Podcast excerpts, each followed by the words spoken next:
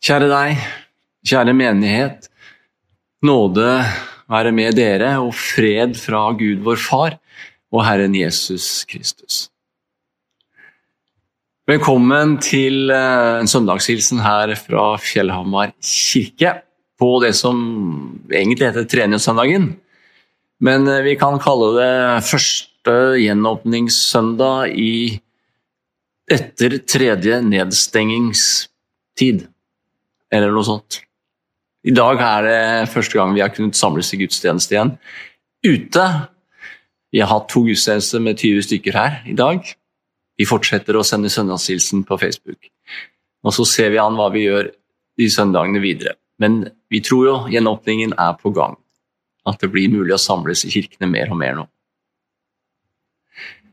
Jeg vil dele noen tanker om dagens tekst. Vi ber litt og lyse velsignelsen. La oss først be en bønn sammen. Gode Gud, takk for hvor utrolig vakkert og varmt og nydelig det er ute. Med naturen som blomstrer og alt som spirer og gror, og hvor vakkert det er. Takker deg for jorda. Vi takker deg for at du, Jesus, er her hos oss nå. At du La oss kjenne at du lever, at du elsker oss. Og gi oss kraft til å, til å følge deg. Amen.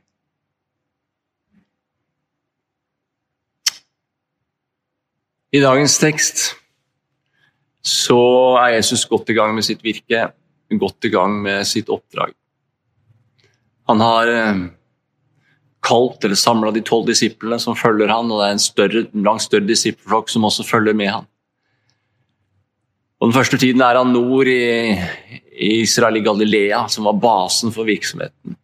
Og Her skjedde det så mye. Det var så mye undere, helbredelser.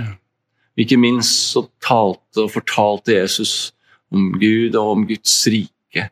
Med en sånn glød og en autoritet som de aldri hadde hørt før. Og rett akkurat når vår tekst kommer, så har eh, disiplene vært utsendt to og to. 72 stykker til sammen, 36 par. Hvor de har eh, blitt sendt ut for å fortelle om Guds rike og i Jesu navn helbrede. Og de har akkurat kommet begeistret tilbake og kan fortelle at, igjen, at, at dette underet har skjedd gjennom dem når de har talt og bedt i Jesu navn. Og det er uh, denne gleden som, og jubelen når Jesus tar del i, og som vi skal høre når jeg nå leser fra prekenteksten på Lukas kapittel 10. I samme stund jublet Jesus i Den hellige ånd og sa, Jeg priser deg, Far himmelens og jordens Herre, fordi du har skjult dette for vise og forstandige, men åpenbarte for umyndige små. Ja, far, for dette var din gode vilje. Alt har min far overgitt til meg. Ingen vet hvem sønnen er, unntatt Faderen. Og ingen vet hvem Faderen er, unntatt Sønnen. Og den Sønnen vil åpenbare det for. Da han var alene, vendte han seg til disiplene og sa, Salig er de øynene som ser det dere ser. For jeg sier dere, mange profeter og konger ville gjerne se det som dere ser, men fikk ikke se det, og høre det som dere hører, men fikk ikke høre det. Slik lyder det hellige evangeliet. Jesus jublet. Altså For en Chelsea-supporter så er det jo nærliggende å tenke på gårsdagskvelden med 1-0 over City i Champions League-finalen. Det Da jublet man. Ordet for å juble på gresk, agiliao, for de som måtte være interessert, det betyr egentlig en over all måte jublende fryd og glede. Og hvordan ser det ut når noen over all måte jubler av fred, fryd og glede? For meg er det nærliggende å tenke på fotballen. Men så kan vi også legge til at denne over all måte jublende fryd og glede, den skjedde i varme, sydlige strøk, som jo har et helt annet uttrykksevne og uttrykksregister enn vi litt eh, Ja, hva skal vi si trauste nordboere har. Så vi snakker om en høyst synlig og hørbar jubel og glede. Og kan du se for deg at det var Jesus som jublet sånn?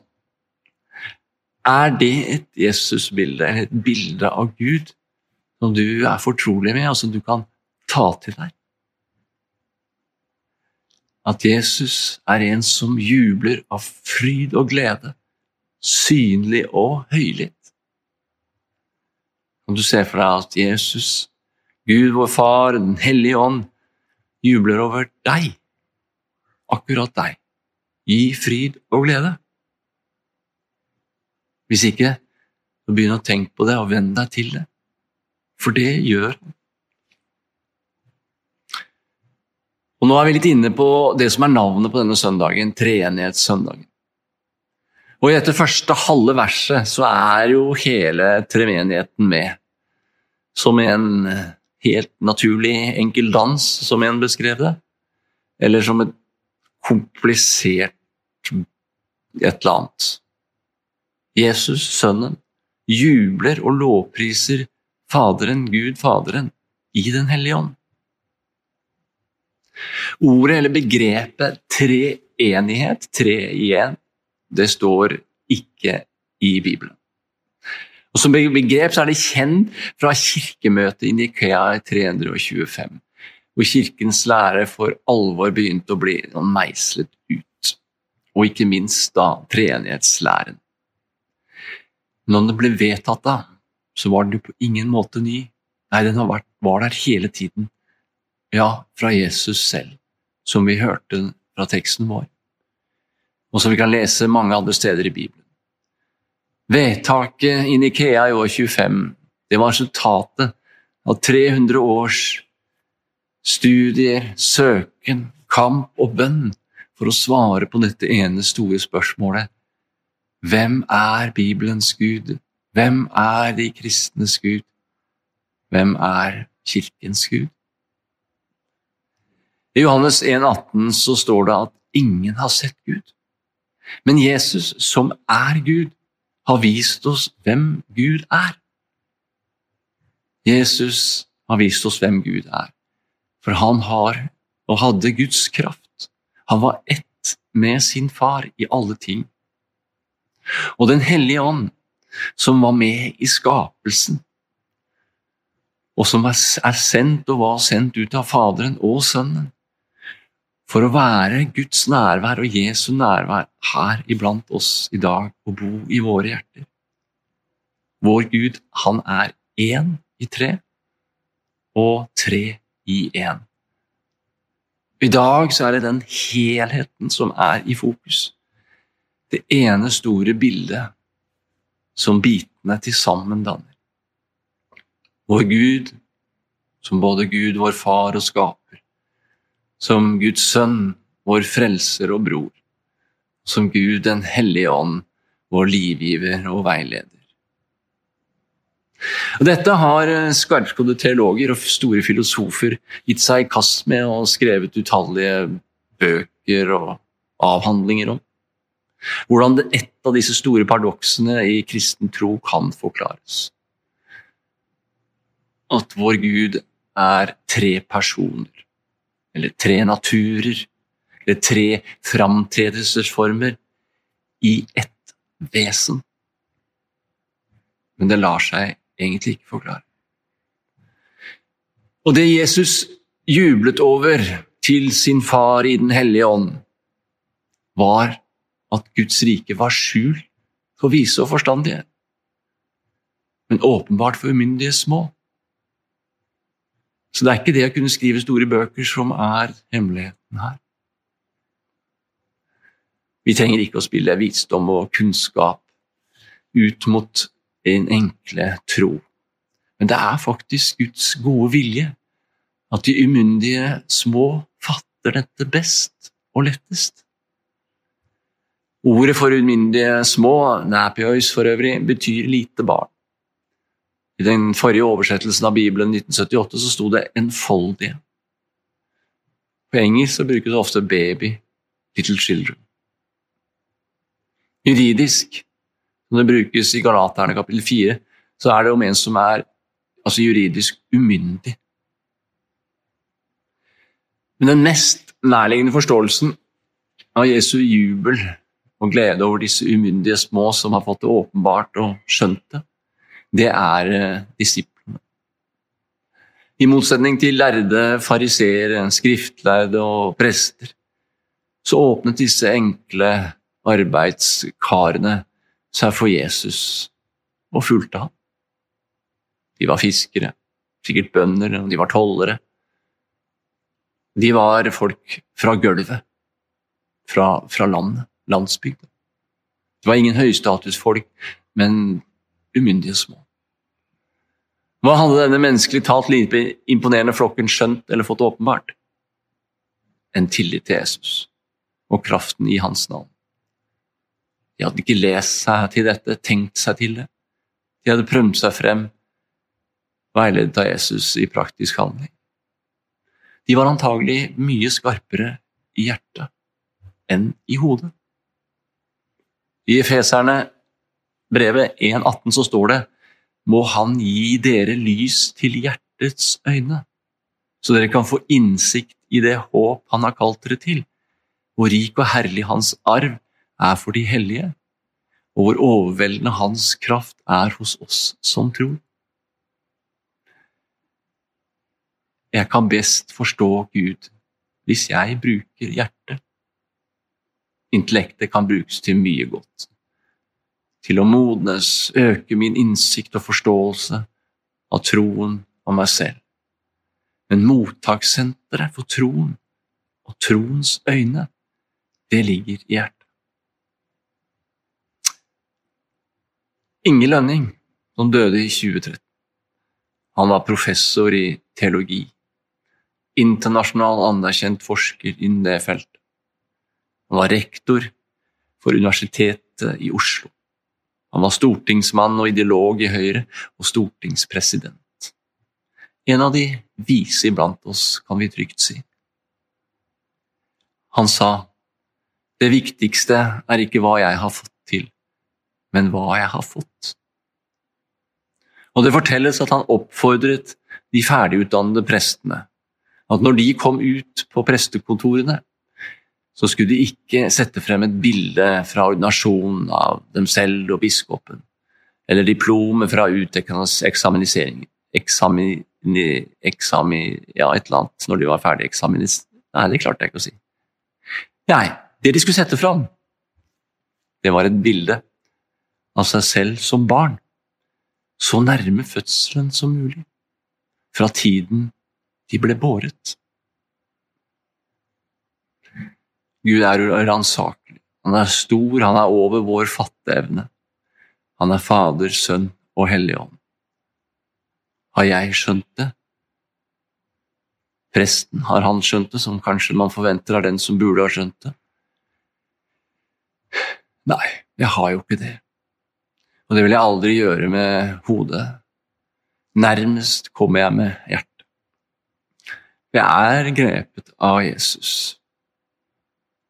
Historien rett etter vår tekst er historien om den barmhjertige samaritan.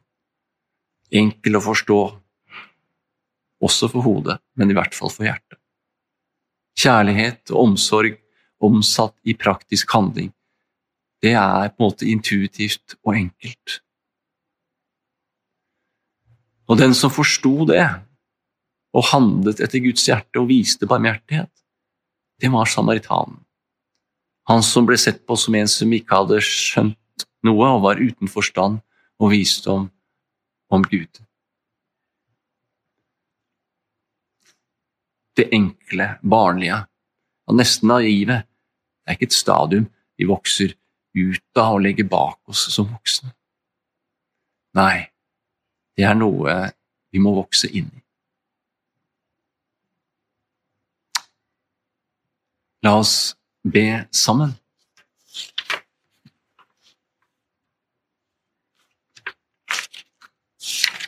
Vi priser deg, Gud, for din storhet som vi ikke kan fatte. Gi vårt hjertes øye lys, så vi kan se at du er her hos oss i alt som skjer. Og så vi kan ane et glimt av hvem du er, og kraften vi har i deg, til tro, håp og kjærlighet.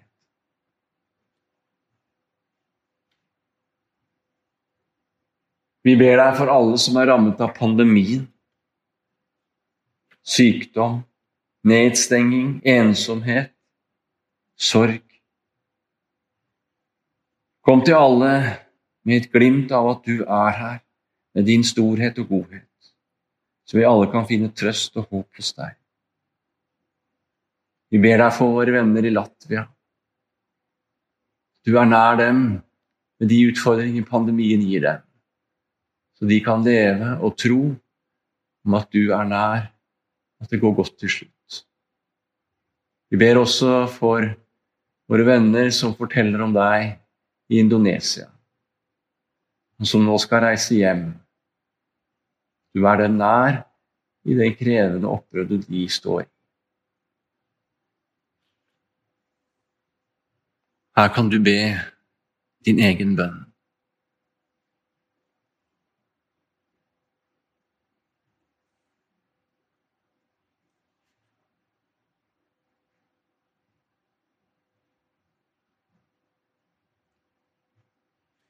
La oss sammen be den bønnen Jesus lærte oss. Vår Far i himmelen. La navnet ditt helliges. La riket ditt komme. La viljen din skje på jorden slik som i himmelen. Gi oss i dag vårt daglige brød, og tilgi oss vår skyld, slik også vi tilgir våre skyldnere. Og la oss ikke komme i fristelse, men frels oss fra det onde, for riket er ditt, og makten og æren i evighet. Amen. Ta imot velsignelsen. Herren velsigne deg og bevare deg. Herren la sitt ansikt lyse over deg og være deg nådig. Herren løfte sitt åsyn på deg og gi deg fred. Amen.